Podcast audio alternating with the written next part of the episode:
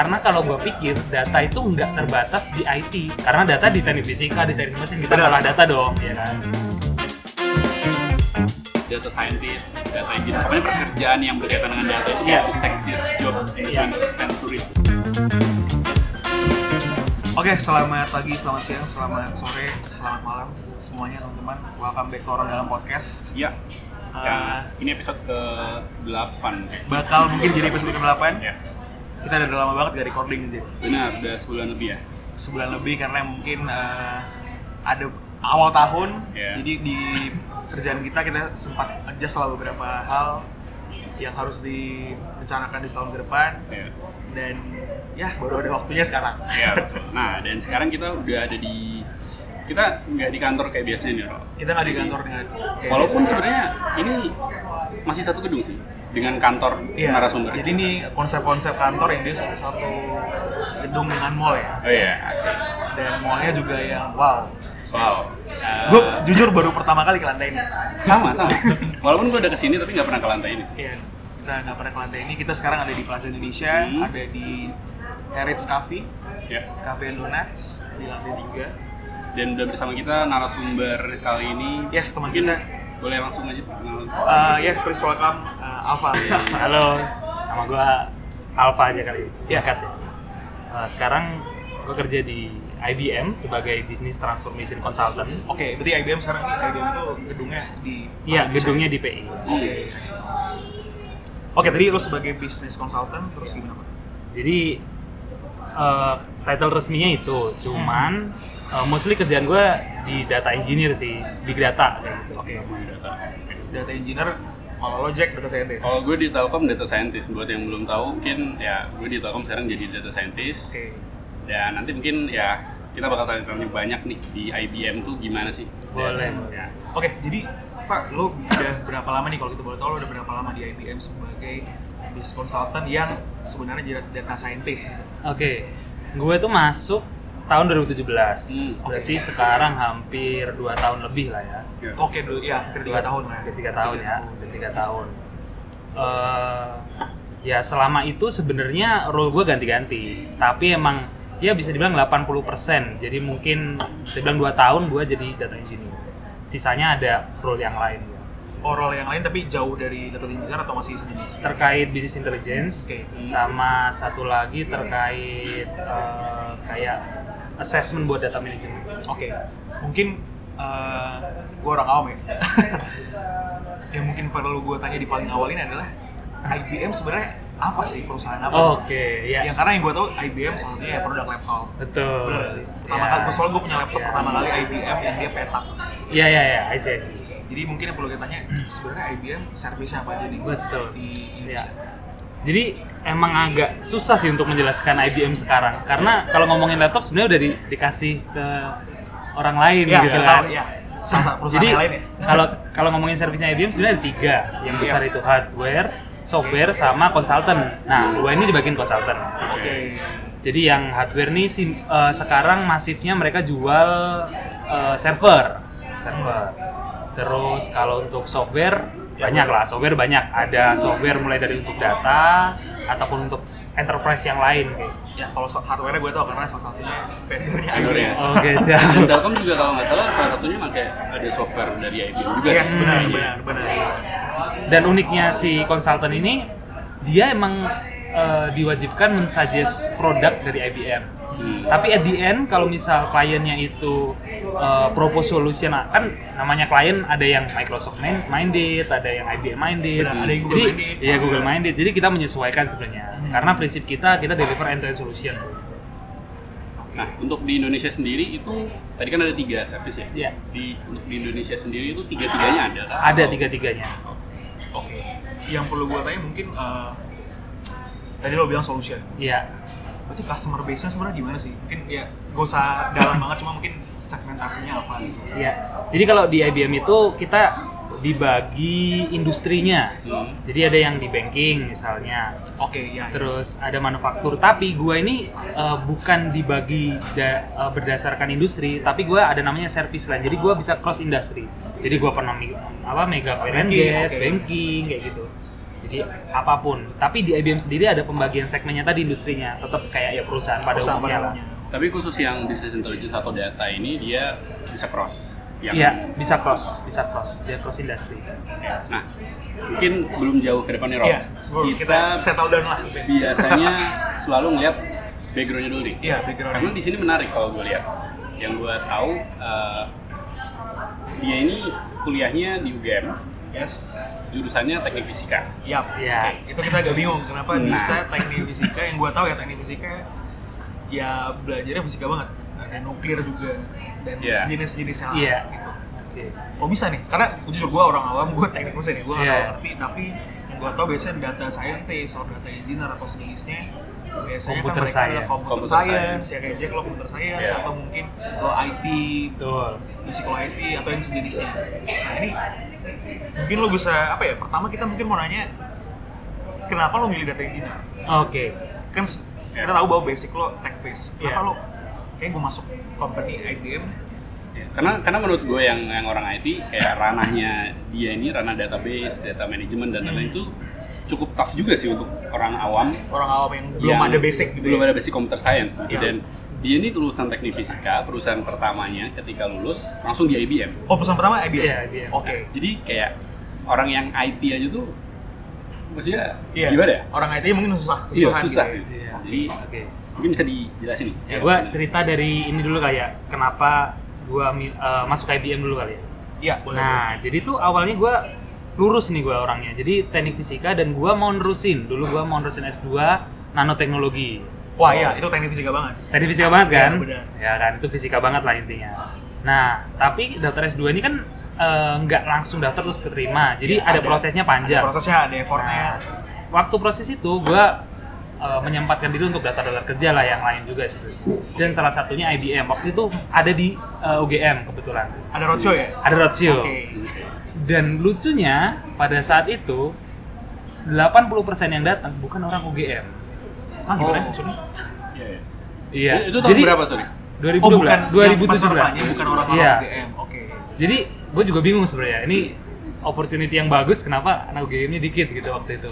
Maksudnya tapi tetap yang mahasiswa Jogja juga? Mahasiswa Jogja. Tapi bukan UGM. tapi banyak yang dari kampus-kampus lain tuh tertarik gitu kan. Nah di situ gue datang. Sebenarnya waktu gue datang itu Hamin duanya gue udah daftar. Mereka buka kayak MT program gitu, namanya Consultant by Degree. Oke. Hmm. Nah waktu gue daftar, bayangan gue nih IBM itu adalah eh, dia kuat di riset tentang nanoteknologi. Balik lagi, gue sebenarnya Oh, tertarik. pertama Oh iya, Oke. bukan consultant. Jadi gue IBM research sebenarnya Hmm. pas gue dat kan gue udah daftar dulu ya gue pikir ya mirip lah mungkin gue konsultan untuk research kayak gitu kan gue datang terus gue dengerin kok beda kok agak jauh kayaknya itu ada briefingnya dulu ya? ada awal briefingnya ya? kan Oke. di awal kan tapi gue mantapkan ya mungkin gue masuk dulu lah sama kayak di UGM dulu gue masuk dulu terus gue belajar karena gue juga sebenarnya kan nggak tahu kan dunia pekerjaan seperti apa kan Iya, benar benar benar benar. Nah, jadinya akhirnya gue daftar, terdaftar, terus akhirnya, nah come up di eh, prosesnya kan. Gue ceritain atau nanti aja, nanti aja ya, nanti Oke, aja, ya, nanti aja ya. Oke, iya, boleh. ya intinya waktu diproses, gue ditanya, lu mau jadi apa? Ada tiga pilihan waktu itu, designer UI UX, terus developer untuk mobile kayak gitu atau app atau web, sorry. Yang ketiga data science. Jadi sebenarnya gue karena nggak ngerti tiga-tiganya, Oke, gue gimana? mencari tahu ketiganya ini apa aja dan di desain jelas gue nggak mungkin lah teknik fisika tuh nggak ada desainnya sama Itu sekali soalnya beneran coding nggak sih? apa gimana? yang UI UX UI enggak nih enggak enggak sih. Tapi oke. tapi dia harus punya intuisi untuk lo bikin sesuatu yang menarik untuk interaksi Iya. antara aplikasi dan orang, Orang. usernya gue nggak ngerti tuh sama Oke, sekali iya. Developer web atau app Oh, apalagi developer baru coding gitu ya? Itu ah ini full coding full nih coding, full coding, coding banget. Gak, gak mungkin.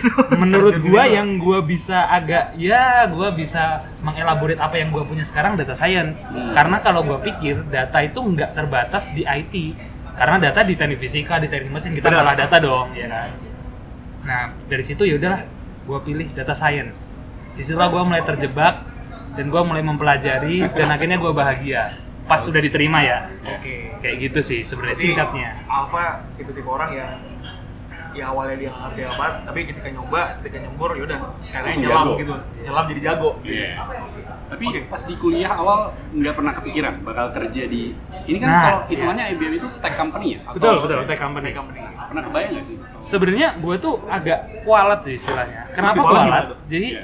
Dulu gue pertama masuk nih, gue kenal ada temen gue satu di Tekvis, dia tuh main Ubuntu, tahu Ubuntu gak? Oke, OS oke, kan, OS Ubuntu. Ubuntu. Kita lahir, iya iya kita ada- lahir itu di Oke. sebagai anak Windows yang full of UI. yes Begitu gue lihat ini ini apaan sih OS nggak jelas banget. Install aja sudo apt get install. Itu kayak ah, nggak je- gue baru tahu itu kemarin itu ya. nggak jelas.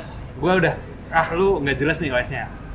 Terus habis itu pemrograman. Mulai ada pemrograman kan kita ya semua teknik adalah pemrograman. Ya dosennya nggak enak sih. gue nggak ngerti apa yang diajarin. oke Ya udahlah, gue gue bilang ah nggak jelas nih pemrograman. Gue nggak akan masuk sana. Hmm. Eh, terus kualat gue pertama itu waktu skripsi Iya. gue tertarik dengan topik pengolahan citra yang itu full of coding Namola Sintra apa pengolahan citra image Pengolahan- processing Pengolahan citra. citra digital. ya. computer vision Oke. itu full of coding nah pada saat itu gue bersikeras untuk pakai Windows pakai Windows. Ternyata karena open source Windows agak susah di open source. Jadinya gue pakai Linux. Dari situ akhirnya gue ya itu tadi gue bilang kualat gue nggak suka gue ngejek ngejekin akhirnya gue tercemplung di situ. Masuklah gue belajar pemrograman di situ waktu skripsi belajar juga tentang OS baru yang menurut gue di awal nih orang ngapain sih bikin OS kayak gini? Nah di situlah sebenarnya gue ada rasa percaya diri ketika gue daftar di IBM juga. Karena lu ya sedikit Iya. Setidaknya ada dikit lah basic dikit lah gue bisa cerita ya kan toh setelah gue baca-baca data science ini emang toolsnya banyak banget tapi yang penting lu gimana intuisinya curiosity-nya ngolah data kan Iya. jadi gue pikir tools itu bisa dipelajari buktinya gue skripsi dalam waktu yang bentar gue juga akhirnya belajar, Belajar, dengan ini setuju. bisa gitu loh jadi ya menurut gue itu bukan halang- halangan yang utama gitu loh Iya. Dan computer vision itu di ranah ilmu komputer ya. Itu salah satu hal yang cukup sulit sih kalau kalau kalau menurut gua. oke Dan kalau misalkan udah bisa bikin skripsi itu ya emang cocok kalau udah kerja di IBM. Ya begitu lah kira-kira Oke, oke. Eh, Oke, oke pak. Eh, mungkin kita bakal nanya sih. Tadi lo di- dijelasin ya kenapa lo dari yang nggak suka bisa jadi suka Hmm. ketika lo udah terjun di dalam. Iya, iya. Tapi kita pengen tahu prosesnya sih. Mungkin singkat aja proses rekrutmennya apa aja sih Oke. sebenarnya. Mungkin pasti interview Iya. ada. Jadi kalau bilang. Tapi sebelumnya tuh ada apa? Apakah kalau mungkin orang banyak tahu proses rekrutmen standar TPA segala macam. Hmm, hmm, hmm, Kalau di hmm. IBM sendiri apakah beda atau Ya, sama? gue kan waktu itu gue bilang tadi daftar beberapa perusahaan juga kan. Menurut gue IBM yang paling efisien. Oke, why is that? Kenapa? Karena pertama dia adalah TPA tes bahasa Inggris tapi itu online. Lu tinggal login ke webnya, tes Oke. kayak dua jam lah paling, dua jam. Tapi itu susah banget gue nggak ngerti sih. Gue nggak bisa Oke, jawab juga sebenarnya. Tapi bisa masuk nih ya? Eh nggak tahu gue nggak tahu nggak tahu juga. Terus ada ada orang dalam berarti. nggak nggak ada. Oke, next next. Nah, itu tesnya kan itu kan dua jam itu. Terus gue langsung di tel di telepon waktu itu untuk eh, apa kayak next next sessionnya lah. next step-nya ya. Next stepnya itu di Jakarta langsung satu hari full. itu berapa lama dari tes yang pertama sampai? Sekitar itu cukup lama sih. Gue udah memikirkan gue nggak lolos. Jadi sebentar, sekitar sebulan. Itu sebelum lo tes online, dulu roadshow dulu, ada roadshow-nya dulu di Nah, Jogja. mereka itu buka roadshow sebulan sebenarnya sebulan sebelum sampai di Jogja itu dan masih dibuka sebulan setelah roadshow itu. Pendaftarannya. pendaftarannya. Mereka oh, jadi lama. roadshow ini mungkin hanya pengenalan, hanya briefing gitu ya. Betul. Oh, oke. Gue kira mereka dari rekrutmen gitu kayak. Enggak, enggak, enggak. Oh, bukan ya. Mereka cuman bikin sharing session lah kayak gitu. Yes. Ya di situ sebulan tuh lama. Gua udah mikir ya kemarin susah sih. Jadi gua udah Dia 12 kerja- lah. Kerja di mana ya? Iya. Bukan Nah. ECC UGM terus ya. Oh, iya sih waktu itu iya. Oke, oke. Terus habis itu eh, satu hari itu full kita ada sesi untuk eh, nanti gue ceritain intinya dari jam 8 sampai jam 5 jam 8 pagi satu harian. Iya, gue langsung datang ke Jakarta. Nah, tesnya itu apa aja? Jadi gue sebelum datang ke Jakarta, gue disuruh prepare. Tadi gue disuruh milih tiga topik kan? Iya. Gue disuruh present in English itu terkait data science. Terus eh, apa yang lu udah pernah lakukan di di di kehidupan lu lah atau di kuliah lu yang berkaitan dengan data, data science kayak gitu. Nah, gue ada presentasi itu. Terus habis itu ada FGD, biasa lah FGD. Hmm. Nah, setelah itu kita ada eh, wawancara langsung itu. Jadi semua orang yang di situ melewati proses itu itu ya? Wow. semuanya. Oh semuanya. Semuanya. Berarti nilainya diakumulasi lah gitu. Iya. Jadi Semuanya ada, dalam bahasa Inggris juga. semuanya dalam bahasa Inggris. FGD-nya Iya. FGD-nya semuanya.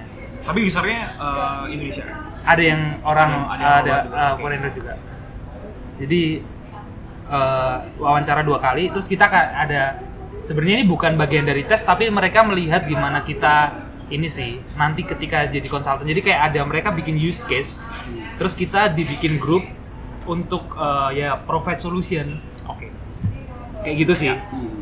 Jadi sehari itu, terus habis itu agak lama juga tuh, hampir dua mingguan, tiga mingguan baru diumumin. Itu pengumuman terakhir. Iya. Jadi kenapa gue bilang efisien? Cukup butuh satu hari untuk Full. onsite dan satu hari untuk online. Sangat efisien menurut gue. Nggak yang menunggu lama Iya. berkali-kali. Dan nggak ngabisin proses. biaya orang yang daftar maksud gue. Kan Iya, kalau lu benar, harus benar. pergi ke suatu kota dan lu dari mana gitu kan lu harus penginapan lah segala macam. Ini satu hari dihabisin. Ya itu menurut gue salah satu yang Apalagi wise, buat- wise manner. Buat kita kita yang dari Jogja, maksudnya Jakarta. Betul, betul. Kalau dari eh, rekrutmennya sendiri kan pasti ketemu sama teman-teman yang lain. kan? Iya. Nah itu backgroundnya Ah apakah? iya benar. Wah, ini yang menarik. Nah gim- gimana nih backgroundnya apakah IT semua? IT semua, atau, computer science atau mungkin atau malah nggak ada yang computer science sih? Nah. ada kedokteran di tiba Iya. Iya. Gimana? gimana? Sebenarnya kalau yang data science cukup variatif. Oke. Ada waktu itu dari Dirgantara ITB. Oke. Oh. Aeronautika, astronautika ya. Ya, terus industri kayak gitu juga ada. Jadi yang data science ini lumayan general. UI UX ya pada umumnya lah, dia desainer lah. Developer eh, yang web gitu full IT bahkan IT? mereka tuh ada yang eh, dulu tuh udah kerja di IBM. Jadi di IBM ini kan ada kayak kontrak kontraktor gitu lah Oke, ya. I know, I know. Kayak subsidiary gitu lah iya. ya. Nah, subsidiary-nya itu dia mau convert ke IBM dan salah satu karena dia pengalaman baru satu tahun dua tahun jadi dia bisa daftar itu. Bayangin dia udah kerja di sana, udah kenal ya orang dalam lah kayak gitu kan. orang dalam, udah Tapi kenal masih orang dalam. masih rekrutmen lagi ikut ya. Iya, jadi bisa dibayangin saingan gua kayak gitu sih kemarin. Terus uh, mostly kemarin itu mereka dari univ luar dan udah S2 yang data science. Oke. Karena emang data science kan waktu itu ya sesuatu yang baru dan mereka emang prefer buat orang-orang yang udah apa ya istilahnya high class lah untuk untuk Yang secara juga- pendidikannya iya. Juga banyak. makanya kebanyakan S2 waktu itu eh, yang datang tuh banyak-banyak S2 dan orang yang udah kerja setahun atau dua tahun. Jadi gua di situ sebagai eh, kandidat yang paling lemah sebenarnya. Tapi fresh graduate yang lain ada? bisa dihitung jari. Mungkin waktu itu kita sekitar 50 orang. 50 orang paling fresh grade cuma 4 atau 5 dan itu pun nggak di data science semua. Kayak gitu itu sih gambarannya ya Oke, berarti eh, kira-kira berapa orang? Banyak kayak yang tes? yang tes sekitar 50 sih Terus yang lolos? yang lolos 10 Oke. Wow, berarti Spesial ya. one of the best lah. Sip. Nah itu kan tadi kita apa namanya bicara tentang rekrutmennya. hmm. Ketika masuk itu tahun 2017 berarti ya. Nah itu bisa dijelasin nggak sih awalnya di IBM tuh gimana kan? Iya. Tadi Apalagi tadi kan lu belum ada basic nih, Pak. Iya. iya Kan gak mungkin kayak apa langsung. Iya, bener. Langsung ke lapangan. ya untungnya gue waktu itu masuk ke depart- departemen yang manajernya itu sistem apa ya istilahnya kalau an- buat anak baru mereka ada kayak pairing gitu jadi gue tuh dipasangin Iya. sama senior Sama senior. tapi ada juga temen gue yang di mungkin manajer yang lain dia tuh nggak kayak gitu Langsung jadi aja gitu. lepas landas langsung cuy gila sih Ini sorry title-nya sebagai apa? Sem- Consultant. waktu itu kalau kita baru masuk semuanya istilahnya business transformation consultant di masing-masing departemen. Kita belum punya title kayak gue sekarang bisa bilang big data developer kayak gitu belum bisa. Karena gue ya dari nol, semuanya dari nol. Iya, iya. Kayak gitu sih. Oke. Nah itu berapa lama tuh? Eh, memang jadi awalnya masih kayak probation gitu ya. Nah itu bisa diceritain nggak berapa Probationnya lama berapa lama? sampai? Ya. Sampai Jadi lu- karena kayak ya MTM pada umumnya kita ada training lah. Ya. Jadi sebenarnya program MT gue tuh 2 tahun. Gue ada training tiga kali. Itu bisa macam-macam sih. Kemarin ada yang di Singapura, ada yang di Malaysia kayak gitu kan. Oh jadi sempet travel? Karena kita batch-nya itu satu batch tuh se-ASEAN. Lima Oh, negara. Dia jatuhnya bukan di Indonesia doang ya. Bukan, lima negara Oh, itu. Jadi gue punya temen di beberapa negara karena itu. Wow. asik ya. Asik. Asik. Oh. Ya, nah, berapa bulan kan tadi pertanyaannya? Jadi sebenarnya untuk probation ada tiga bulan. Tapi waktu itu kebetulan banget waktu batch gua itu IBM lagi banyak project. Jadi mau nggak mau gue cuman belajar bentar doang di di kantor tuh kayak cuman seminggu. Langsung gue dilempar ke project seminggu atau dua minggu. Lempar ke project, Tapi, langsung tapi masih pairing ya? pairing.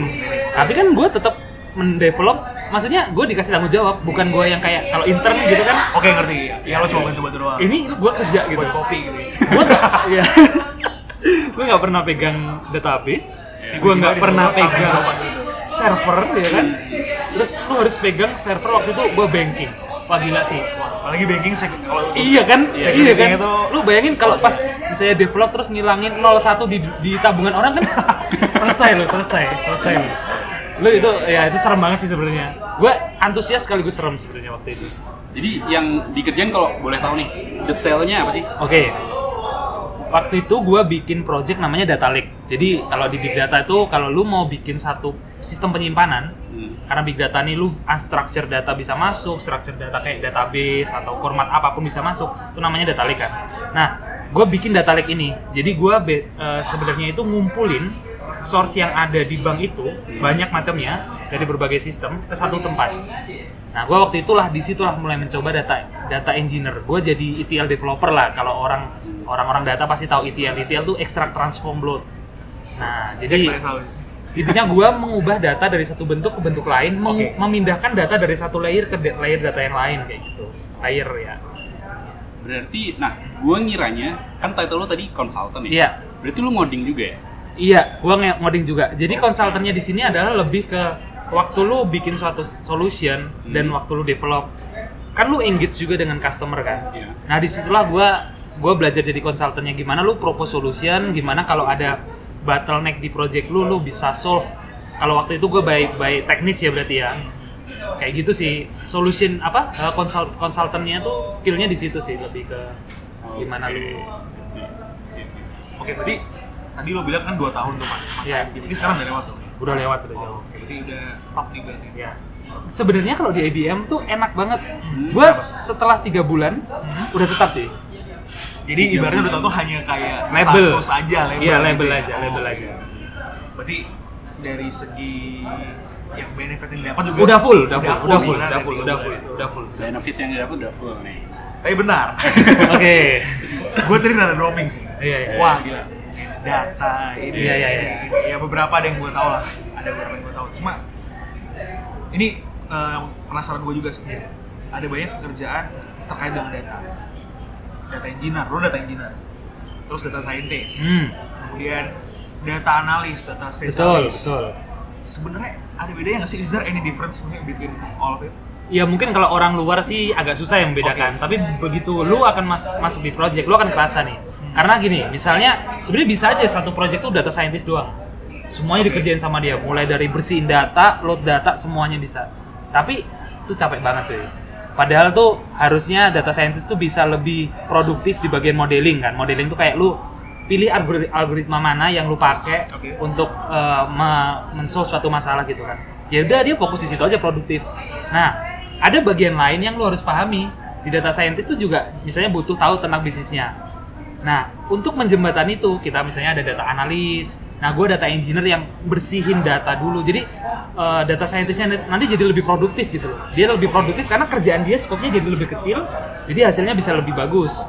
Nah, bagian yang kayak data cleansing, terus data transformasi data, kayak gitu itu gue. Di depan lagi ada bisnis analis. Karena gini, lu mau misalnya mau mindahin data apa perbankan nih, Iya, iya. lu mau mindahin data kredit di situ database-nya banyak banget loh datanya bisa sampai tera-tera gimana lu tahu data mana yang lu ambil lu pasti nanya ke user dong Yes.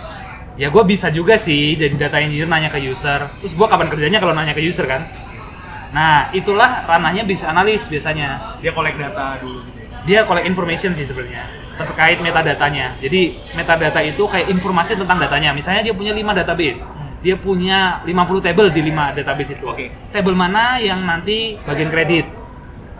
Bahkan lebih dalamnya lagi di kolom Kalau mana? kolom mana dan kolom itu dapatnya gimana. Nah, itu lebih dalam lagi.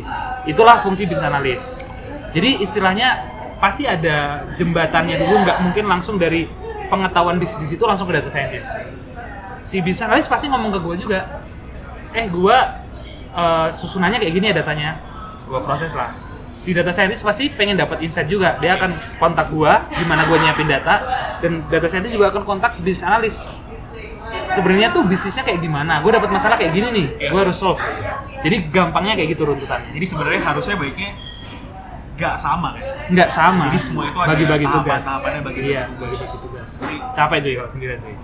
Tapi di beberapa company ada yang nyamain nggak sih sebenarnya? ada ada. Dan karena mungkin karena gimana ya? Itu title yang kalau menurut gue cukup baru baru beberapa Iya. tahun belakangan ini. Jadi belum ada standar khususnya Betul. dan bisa aja data scientist di satu company dengan company lain Betul. itu mengerjakan hal yang berbeda agak bias sih mungkin agak Iya, bias jadi buat teman-teman yang misalkan pengen jadi data scientist, data engineer, data analis, mau apply ke sebuah perusahaan, make sure dulu tuh Coba lo pastiin dulu scope Dia ngapain, iya Benar. dia ngapain. Karena dulu ya pengalaman juga sih kayak gue pernah apply jadi data engineer, pas dilihat kerjaannya ternyata kerjaan data analis. Oh Jadi, I see Karena Sebenarnya hampir sama sih di Iya, commercial makanya- department ah, juga betul. jadi kayak Hmm. namanya business development. ya, Tapi ya di end day, iya iya iya you, you doing sales, Iya, iya. Iya. terus namanya mungkin uh, account manager. iya iya Mungkin padahal rela- kita harusnya ada relationship cuma ya, the end of the day you doing sales again. Harus dipastiin sih scope Iya, orangnya. betul. Itu yang bersama sih. Iya. Oke. Jadi sorry tadi gue potong karena memang gue rada roaming. oke oke nggak apa-apa nggak apa-apa mungkin yang buat dengerin juga perlu Iya, tahu dikit perlu kan. tahu dikit ya Iya. tentang ya how data works, how data engineer works, how Iya. data scientist works. Tadi kita ngebahas benefit ya. benefit Oh. terakhir benefit gimana nah IBM ini kan kalau kalau gue lihat dia perusahaan gede banget sih Hmm. top salah satu top tech company di ya di bidang IT consulting Di dunia? IT consulting di dunia hardware software. Nah Ada yang lain cuma nggak usah dibilang. iya. Iya nah masuk ke benefit nih. Oke. kita mau tanya apa dulu nih Ro? Uh, mungkin tanya gini aja deh. Apa aja yang didapat tiap bulan? Iya. benefitnya apa aja sih? Apa aja Iya, jenis IBM? apakah ya selain salary pasti. Apa aja? salary pasti ya. Ya sebenarnya pada umumnya sih pada umumnya. Salary terus eh, kita itu ada kalau ini project ya kalau gua udah info di project itu istilahnya ada kayak uang jalan ya per dim istilahnya per dim Oh, oke oke itu perjalanan dinas iya uang, dinas, dinas. dinas dinas kayak gitu SPPD. SPP. SPP. ya mirip lah mirip iya Iya. terus asuransi kesehatan masih ada Pasti. terus eh, bonus ada bonus Eh, ya bonus ya bisa bonus sih terus Bonus tergantung performansi perusahaan as a whole atau individu. bonusnya juga tergantung ini sih title sih karena kayak sales gitu kadang mereka jualan terus bisa dapat ada Oh bonus iya, sendiri pasti lebih ya. iya Ada- ya ada kayak kayak ya. Terus eh, benefit yang lain ini kayak eh, komunikasi gua apa Oh, untuk tunjangan komunikasi. tunjangan komunikasi ada jadi gua udah full gitu Ada dapat lah ya. Eh, apa lagi ya hmm, Makan siang. iya sih kalau itu berarti ntar, berarti lo makan siang di PI atau sama? enggak lah Oh. kan gua on, onsite di klien juga Oh, gua iya, tuh lebih oke. sering onsite Oh, di klien. lebih sering di, di customer ya? di customer klien? di customer Oh ya, seberapa sering sih kayak lu kan konsultan nih, seberapa sering di customer atau di user di kantor tuh seberapa sering? Seberapa berapa- sering keluar kota? Iya, dalam satu minggu Hmm. berapa persen? mungkin pertanyaan bisa dibalik lebih eh, seberapa sering gue di kantor nah itu bisa dihitung jari cuy Oke. jadi gue mostly di klien Jarang di customer ya? jarang banget Kliennya di Jakarta atau mostly di Jakarta karena ya gua bilang IBM-nya agak pricey jadi ya Ah, harganya iya begitulah Oke. jadi ya mostly ya yang punya duit kan di Jakarta ya Benar sih ya. Oke, eh, tadi kita sempat dengar nih Pak, kan bahwa ibaratnya tadi lo IBM sebenarnya satu ASEAN gitu kan. Iya, ada klasternya sih kayak Ada ada, yang global terus dia ASEAN terus ada yang Jepang juga kayak gitu Kan as we talking about benefits, pasti benefit ini ya, misalnya benefit orang Indonesia, Hmm. pasti beda ketika lo dapat benefit. Ya misalnya lo kerja region Asia Pacific atau region ASEAN, itu sebenarnya kalau di lo sendiri, tadi kan lo bilang ASEAN itu apakah sama atau beda? sebenarnya kalau benefitnya apa aja sama tapi amount-nya yang beda Amount yang beda. Amount-nya Berarti beda. amount lo masih ibaratnya di Indonesia nih. Iya pasti. Masih Eh, nyesuaiin. maksudnya mereka kan nyesuaiin rate kan. Iya, iya, iya, oke.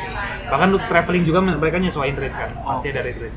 Tapi kalau antar negara itu kalian bisa kayak exchange gitu nggak sih? Jadi misalkan lu IBM Indonesia nih, Bisa lu banget. tiba-tiba bisa di assign ke Bisa, bisa, Filipina, bisa, bisa, bisa. bisa. Ini teman gue ada yang lagi di Thailand kayak gitu. Lo udah pernah, pernah juga belum? gue sih sejauh ini belum. Karena gini, sebenarnya itu dilema. Ketika lu di assign ke ke negara lain, artinya itu departemen lu kurang project. Oh, Oke. Oke. Iya, bener. berarti ada Jadi- salah berarti ada salah di salesnya nih. Oh, Iya, belum tentu, belum tentu. Ya, betul ya, belum tentu. Bisa Salah satunya, salah aja. satunya. Nah, jadi jadi sebenarnya itu KPI yang belum tentu bagus juga ketika Hmm. ada orang di negara itu ke negara Ya lain. kalau nggak dapat project sih di negara sendiri di negara sendiri. Nah, itu dia. Kebetulan eh, departemen gue yang lumayan projectnya lumayan banyak. Banyak, oke. Jadi gue terus ada Di sini. gitu. Jadi di sini. Gue waktu itu pernah kerja bareng, cuman gue tetap di Indonesia sih. Gue kerja sama orang US buat develop buat apa? Bukan bukan develop sih. Gue bantuin mereka tuh develop kayak AI untuk NLP, terus gue testing gitu lah. Nah itu eh, karena spesifik in- buat bahasa, buat bahasa Indonesia, jadi ya mereka kontak gua, terus gua bantu. Ada temen gua di Thailand kontakin, kasih kontak gua ke mereka karena gua bisa bahasa Indonesia kan, untuk bantuin mereka gitu sih. Ya pernahnya gua kayak gitu, jadi info. Terus kayak yang sekarang nih, gua lagi pengen initiate quantum computing. Oke. Nah jadi di Indonesia belum ada kan, jadi gua kontak langsung sama orang US, gimana gua approach klien dan gua build uh, initial conversation sama si kliennya. Tapi quantum computing ini udah di luar udah Kemarin Oke. kalau lu dengar cukup booming, Google sama IBM agak ribut soal quantum supremacy. Ya. wow, gue belum baca. Ntar gue baca. Iya. Gue yakin Jack sama Alpha udah. Iya. IT Iya. banget sih. IT. Iya. IT banget ya. Oke. Itu udah agak berisik sih di US gitu. Cuman di Asia emang pasarnya belum. Emang itu ranahnya masih research banget. Makanya gue gue mikir ya gue udah ada di perusahaan yang segede ini bahkan punya research tentang kom- quantum computing kenapa gue nggak mulai gitu loh jangan sampai kayak big data mungkin yang agak telat datangnya ke Indonesia kalau bisa Indonesia leading kan di quantum computing Kalau dilihat dari ya, enaknya kerja di apa ya istilahnya multinational company, company yang punya Ya. cabang di luar negeri emang apa ya resource ke orang-orang hebat itu sih. Betul, betul. Itu salah satu mungkin kayak keunggulan. Kalau lu kerja Betul, di itu gua- gua macam Google. learning platformnya juga banyak. Nah, kayak betul. online course-nya, Hmm. kita punya punya banyak akses ke ke banyak kayak online course yang cukup terkenal kayak gitulah. Dan Jadi- IBM sendiri punya kayak gitu untuk itu. Jadi untuk apa ya, istilahnya employee development-nya Udah oke lah. nggak Oke nggak- lah. nggak usah ditanya Oh, lagi. iya, Udah, nggak usah ditanya lagi. udah udah denger juga sih. udah keren banget. Udah oke banget sih itu menurut gua. Employee development oke. Uh, tapi mungkin kita mau nanya nih sih.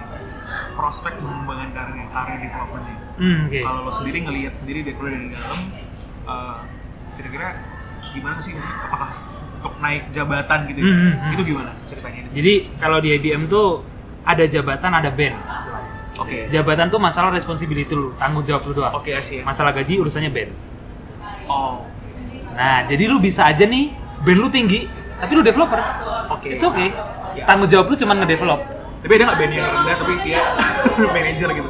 Eh, mungkin nggak manager, tapi lebih ke bisa ke PM gitu Oke. misalnya. Untuk project-project yang kecil. Karena di IBM sendiri ada standar dong. Misalnya lu dalam satu project yang amount-nya segini, lu minimal tuh IBM band berapa tuh ada di situ berapa orang dan role-nya apa aja gitu. Jadi kalau lu mau naik band, lu nggak mesti jadi manager, lu nggak mesti Gua ada orang. on apa eh, track-nya masing-masing. Iya. Misalnya kayak gua bisa- Spesialis, iya, spesialis, iya, ada iya, general. generalis, iya, iya. Kalau sekarang kan gitu jatuhnya spesialis kan sebenarnya. Iya. Jadi lo bisa spesialis sebenarnya dari band ya mungkin band 5 sampai Iya. paling tinggi band 1 atau band 5? Jadi paling gua masuk itu band 6. Oh, Eh, paling tinggi tuh sebenarnya band 10. Oh, band 10. Band band 10 paling tinggi. Oh. Tapi habis itu partner, associate Oh, iya. partner. berarti enak nih maksudnya perusahaannya kayak mengakomodir orang-orang yang emang apa ya kan orang beda sih kalau gue Betul, ada yang dia pengen kayak jadi spesialis Iya. udah pokoknya ngerjain itu aja Iya. dia jago di situ Iya. tapi dia emang ya nggak bisa handle orang bukan nggak bisa sih tapi tepatnya kurang nyaman kalau Kurang nyaman orang. kalau dia men- dalam posisi manajer. Nah, di situ di, di IBM sangat dihargai sih, sangat sangat dihargai. Mungkin untuk beberapa company bisa jadi contoh ya. Iya. Ya meskipun di Indonesia kayak ya akhirnya ketika lu naik band, akhirnya lu mau nggak mau, lu pegang responsibility yang lebih tinggi. Iya. Biasanya lu kalau dari developer jadi lead atau nanti ya mentok-mentoknya jadi PM kayak gitulah. Ada juga yang kayak gitu. Tapi Karena- dari mungkin dari yang spesialis ke manajer tapi ada juga. ada juga makanya gue bilang tadi karena mungkin mereka udah melihat nih secara spesialis kayak gitu udah oke udah jenuh mungkin bisa juga Iya, iya. terus mereka pindah itu sangat memungkinkan juga sih cross Iya itu cross Nah, masih terkait working working environment nih. Di IBM sendiri itu banyak ini sih maksudnya kerjanya tuh milenials kan anak Oh iya, iya benar benar. Nah, oke. karena kalau gue lihat Iya. IBM dari luar ya kayak istilahnya perusahaan yang semacam BUMN gitu lah banyak senior di sana banyak orang-orang jago Oke. kayak gitu sih Iya. Ter- sebenarnya gini, kalau dibilang IBM Indonesia banyak anak mudanya, jauh banyak. Jadi kayak gini, misalnya kemarin gua ada project di oil and gas. Itu mostly angkatan ker- angkatan gua yang kerja di situ, angkatan 2012 2011. Satu Oke. tim ada 10 orang. Berarti manajernya masih ya ti- 30-an. Ya masih bisa gue bilang milenial lah ya. Iya. Jadi jadi ya sebenarnya Milenial. Milenial, ya. banyak. Ya, jadi itulah gue bisa bilang banyak banget anak mudanya, mostly seumuran kita lah, seumuran kita yang di, eh, di podcast ini kan. Kayak gitu terus apalagi tadi? Oh, mungkin inilah seragam kali ya, seragam ya. Culture kan Oh, juga iya. bagian Oh, ada seragam? Enggak, enggak, enggak seragam. Makanya? Waktu di office itu kita bebas sebenarnya. Jadi nggak ada Oke. seragam. smart casual Smart ya sebenarnya Kaos, kaos, kaos, kaos, boleh sih. Oh, iya? Kaos boleh. Kalau nggak lagi customer boleh lah. Ya, jadi constraint-nya biasanya customer. Ah. Ketika kita onsite, ya lu sesuaiin misalnya Masa pakai swallow iya iya begitulah menyesuaikan lah tapi basically kalau di office bebas dan jamnya juga bebas Oke. kalau di office ya kalau di Oke. klien balik lagi Jamnya bebas tuh jam 12 malam datang boleh nih. ya ya boleh aja Boleh aja. kalau nggak ada kerjaan Iya. iya gitu Oke, eh, tadi kita udah bahas working environment, tadi working hours kita baca lebih fleksibel Hmm. banget. Kita mau tanya mungkin tadi kita udah banyak dengar hal-hal yang seru, hal-hal yang bagus, Hmm. yang buat lo happy. Tapi kita pengen dengar sih Pak, apa sih mungkin ada yang ya ada yang not fun Iya, thing iya. juga, ada yang lo gak suka atau ya dukanya lah. Ada ya sih sebenarnya? ada lah pasti dukanya Itu gimana? Sebenarnya karena gua mostly di klien Hmm. jadi dukanya itu kebanyakan datang dari klien Oh. jadi Ah, iya. sebenarnya Oke, relatable sih. kayak gitulah jadi eh, kalau dari klien ya macam-macam sih klien ada yang demanding Ya, benar. terus habis itu ada yang dia sebenarnya itu mungkin maksudnya baik tapi pembawaan dia menyampaikan itu kurang enak juga mungkin jadinya di kita itu jadi kok gini ya Oke. kayak gitu-gitu sih sebenarnya bahwa gue bayar lo. Iya. Terus pengalaman gak enaknya ya namanya konsultan. Jadi biasanya kalau gua kena konsultan IT ya, itu pasti ada momen saat lu deployment. Nah, deployment ini pasti akan menghabiskan seluruh energi lu. Kenapa?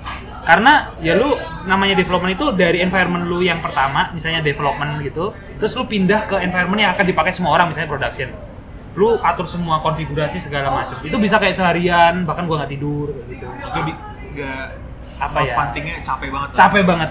Pasti ada di satu project itu momen itu. Pasti itu ada. Jadi nggak enaknya itu ya di konsultan tuh momen itu bener-bener kalau pas naik naik banget turun-turun banget. Santai banget. santai banget bisa. Kayak gue pernah sebulan itu kan gue namanya ada hypercare period. Hypercare period itu ya lu aplikasi udah selesai jadi lu tinggal monitoring. Nah basically kalau nggak ada problem ya lu monitoring lu lihatin sesuatu yang nggak ada masalah ya udah sambil nunggu project lain datang Nah, sambil gue cari op opti lain. Tadi menarik sih, gue relate banget kayak yang customer itu ya. iya karena Apalagi- karena lu apalagi- AM nya Apalagi kalau customernya mungkin ya bukan orang IT ini pak. Nah, bener, bener banget. Wah, ini gawat sih. Ini- Atau orang yang di IT tapi baru aja dipindah dari departemen lain yang bukan IT. yes, jadi ibaratnya mungkin kan kita udah ada scope of work-nya lah. Ya. Tapi misalnya mungkin tiba-tiba nih, net, kita kan network mungkin network, juga komputernya mati, Iya. tidak bisa akses internet. Betul. gue tahu nih. Aku setelah dicek, cek, ya di kita nggak ada trouble. Iya. Tapi sebenarnya trouble sebenarnya di komputernya. Iya. Settingan yang salah, tapi ya mungkin eh, dia dia tetap demanding. Ini salahnya, ini salahnya. Betul sekali. Itu sih yang menurut gue karena beda-beda. Karena iya. Dan, handle manusia gitu ya. dan mereka kan menganggap ya ini nih lu di project gua nih, gue yang ownernya, gue punya sumber dayanya, ya lu harus bisa lah bantu gua lah. Apa pun ya. iya. Oke, em, kita udah bahas banyak banget nih Banyak Bro, banget dari dari- awal gimana background dia dari fisika teknis bisa ke data engineer, Betul. ke IT consultant, Iya. kemudian proses rekrutmen, apa aja yang dia lakuin, sampai benefit tadi. benefit Asik. working culture Working environment culture, mungkin dari suka duka juga. ya Kita mungkin mau bahas uh, apa ya? Mungkin ya future life expectations dari lo sendiri sih. ya Uh, apakah mungkin ya gue sekarang memang lagi udah steady banget lah di data engineer dan gue meneruskan itu atau mungkin ada ada goals goals lain Ya, sebenarnya gua kan orangnya nih suka explore dan juga suka ngobrol. Nah, jadi Makanya- makanya mau nih mau dong, mau, mau orang banget gua. oke. Jadi sharing-sharing kayak gitu. Jadi emang eh, di bayangan gua di masa depan gua tuh bisa mandiri oke karena gua tahu ya gua kalau di IBM terus ya mungkin akan ada someday gua stuck di sesuatu tapi kalau gua punya my own career jadi gua bisa develop itu terserah gua lah gitu. nah jadi di bayangan gua ke depan gua akan uh, cukup um, major di bagian data jadi gue bisa jadi konsultan freelance consultant gitu lah dan gua kalau ya bisa buka PT mungkin jadi lo Iya. sekarang stepnya learn as much Iya, gue tarik sebanyak mungkin. Makanya gue tuh waktu masuk IBM gue mau dicemplungin ke mana gue ikut. Karena ya menurut gue nggak ada salahnya gue belajar sesuatu. Eh, pertanyaan terakhir mungkin Ya, eh, ini karena udah udah 40 menit juga ya. Oh, udah lama juga gue kerasa. Gak kerasa kan? Iya, nggak kerasa. Karena kita tadi targetnya kan, kerasa. Ah, seru. Nah, eh, kan untuk saat ini ada yang bilang data scientist, data engineer, pokoknya pekerjaan yang berkaitan dengan data itu kayak Iya. the sexiest job in the Iya. 21st century lah. Iya, itu kayak kalau gue baru kuliah dan lulus, kayaknya gue harus mengambil IT atau computer science. Iya. Nah, tapi yang perlu gue tanya sekarang apa sih? Mungkin lo bisa ngasih tips dan trik atau suggestions ke orang-orang yang pengen nih kerja di ya, data, Bidang data. bidang data, dan mungkin dia bukan backgroundnya nggak di IT Iya, iya, iya. atau di, ya lo bisa kasih tips dan trik. Sebenarnya kalau gue sih selalu berangkat dari mencoba melihat, terus mencoba merasakan, terus bangun portofolio. Yes. Nah gitu. Jadi kalau kalian yang mungkin nggak dari computer science tapi ngelihat, oh ini kayaknya bagus. Nah kalian bisa pastikan kalian suka itu dengan cara misalnya ini paling gampang. Sekarang banyak online course. Oke. Mereka kan biasanya provide kurikulum tuh kayak eh, lu akan belajar A B C D E. Lu lihat materinya, pasti lu nggak familiar dong, lu baca kan. Nah lu tertarik apa enggak itu dulu. Itu kan proses merambahnya tuh Iya, lihat. iya, lu Jadi lu tahu, Iya, iya iya, benar, benar. kerjaannya apa. Terus kalau udah lu coba rasain, ya ikutlah online course yang free, ya satu modul aja nggak apa-apa. Masih betah? Kalau masih betah lanjutin dengan cara yang lain mungkin.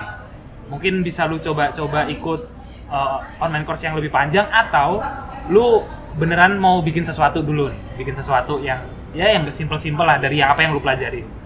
Setelah udah merasakan ternyata lu masih suka nih, lu bisa mulai bangun portofolio. Karena di IT itu sangat mungkin, misalnya nih, kalau secara online, eh, apalagi data scientist ya, banyak tuh kompetisi online kayak Kaggle di Kaggle misalnya. Itu semua orang di seluruh dunia bisa dengan title apa pun, dengan kemampuan seberapa pun lu bisa ikut kompetisi. Iya. Jadi tuh lu bangun portofolio juga. Atau kalau yang secara offline ya banyak kan sekarang hackathon atau Iya. ya lomba-lomba bikin apalah. Dan lu bisa collaborate sama orang lain, lu Orang lain. belajar dari orang lain, di situ bangun portofolio. Dan kalau lu udah beneran yakin, nah barulah lu cari kerja di situ. Karena ini menurut gua bekalnya udah cukup banget. Kalau lu ditanya udah pernah ngapain, udah bisa jawab. Udah bisa jawab, iya. Terus terus lu tahu apa aja, ya udah tahu lah kan lu pernah di online Udah pernah course. lihat, lo udah pernah Iya. Ada online course kayak saran online course di mana untuk belajarnya buat teman-teman mungkin. Oke, sebenarnya sih kalau gua online course sih di googling aja, terserah online course apa. Cuman mungkin yang gua mau tambahin, gua nih juga nggak semuanya belajar dari online course. Jadi baiknya ketika lu udah belajar online course, lu coba biasanya tuh di di open source open source gitu kan mereka ada platform untuk coba tuh. Ada software gratisan, software gratisan itu coba aja. Nah di situ nanti lu akan coba ada use case use case biasanya. Misalnya nih, lu free uh, untuk Google Cloud gitu. Di Google Iya. Cloud kan sebenarnya lu bisa kan nyobain sesuatu. Nah, ketika free langsung. itu, nah lu bikin sesuatu, di situlah mulai ma- ada masalah. Mulai googling ke Stack Overflow misalnya. Itu salah satu web untuk lu ketika bingung lah, lu bisa tanya ke seluruh orang seluruh dunia terkait IT. Nah, kayak gitu sih sebenarnya. Jadi mungkin online course-nya nggak usah ikut banget sampai terakhir mungkin. Tapi ya lu bisa mulai aja. Dan kalau di gua kebetulan di IBM ya online platformnya lengkap, ya gua Lo belajar, lo belajar dari perusahaannya. ya Makanya lanjutin. masuk ke IBM. Iya. Mungkin ada rekrutmen lagi tau nggak Sebenarnya kalau yang uh, konsultan by degree sekarang lagi free sih. Oke. Jadi kayaknya mungkin lagi orangnya lagi penuh mungkin Iya, jadi kan IBM tuh jadi secara global mereka tuh punya batasan orang secara global yang kerja Oke. sebagai IBM. Ya sih. Paling kalau mau daftar yang tadi kontrak dulu tadi nanti convert kayak gitulah. Banyak banget caranya. kita di luar ngerasain dulu lo Iya, iya. ngerasain dulu Iya. Iya. kalau mungkin nyaman so. karena kita pernah bahas juga Jack kayak orang berarti wah gue pengen jadi business development gue udah Iya, bisnis." iya, iya. eh ketika lo terjun anjir gak nyaman dia udah pindah Iya. Jadi kuncinya emang ya lu terjun aja langsung nyoba Iya. beneran dan ya lihat apakah lu suka atau enggak. yes Oke. Eh, mungkin gitu aja Ya. Oke. thank you banget eh, Alfa semoga kita jadi tertunda pulangnya nih Enggak apa-apa, gue seneng banget Gak bisa mau malam, gini. malam mingguan kan? eh, Malam Sabtu, Jumat ya, malam Sabtu. ya? Selalu lah santai-santai. Eh, thank you banget, thank you banget juga mungkin Harits Cafe ya. Ya, yang udah tadi matiin musiknya buat musiknya thank you kita. banget. Donatnya juga enak. Donat kopinya enak. Eh, we hope this podcast mungkin fruitful enough for ya teman-teman yang Hmm. wah kayak pengen nyoba data scientist atau iya. engineer iya. karena itu benar-benar lagi banyak dibutuhin ya. Betul, betul. Banyak banget Luang, lowongannya cari aja dilingin kayak udah. Di Telkom juga iya. kita iya. lagi lagi banyak lagi banyak lowongan sih ya, data scientist. Iya. Kebetulan dia Jack juga data scientist iya. dan ya yeah, that's it.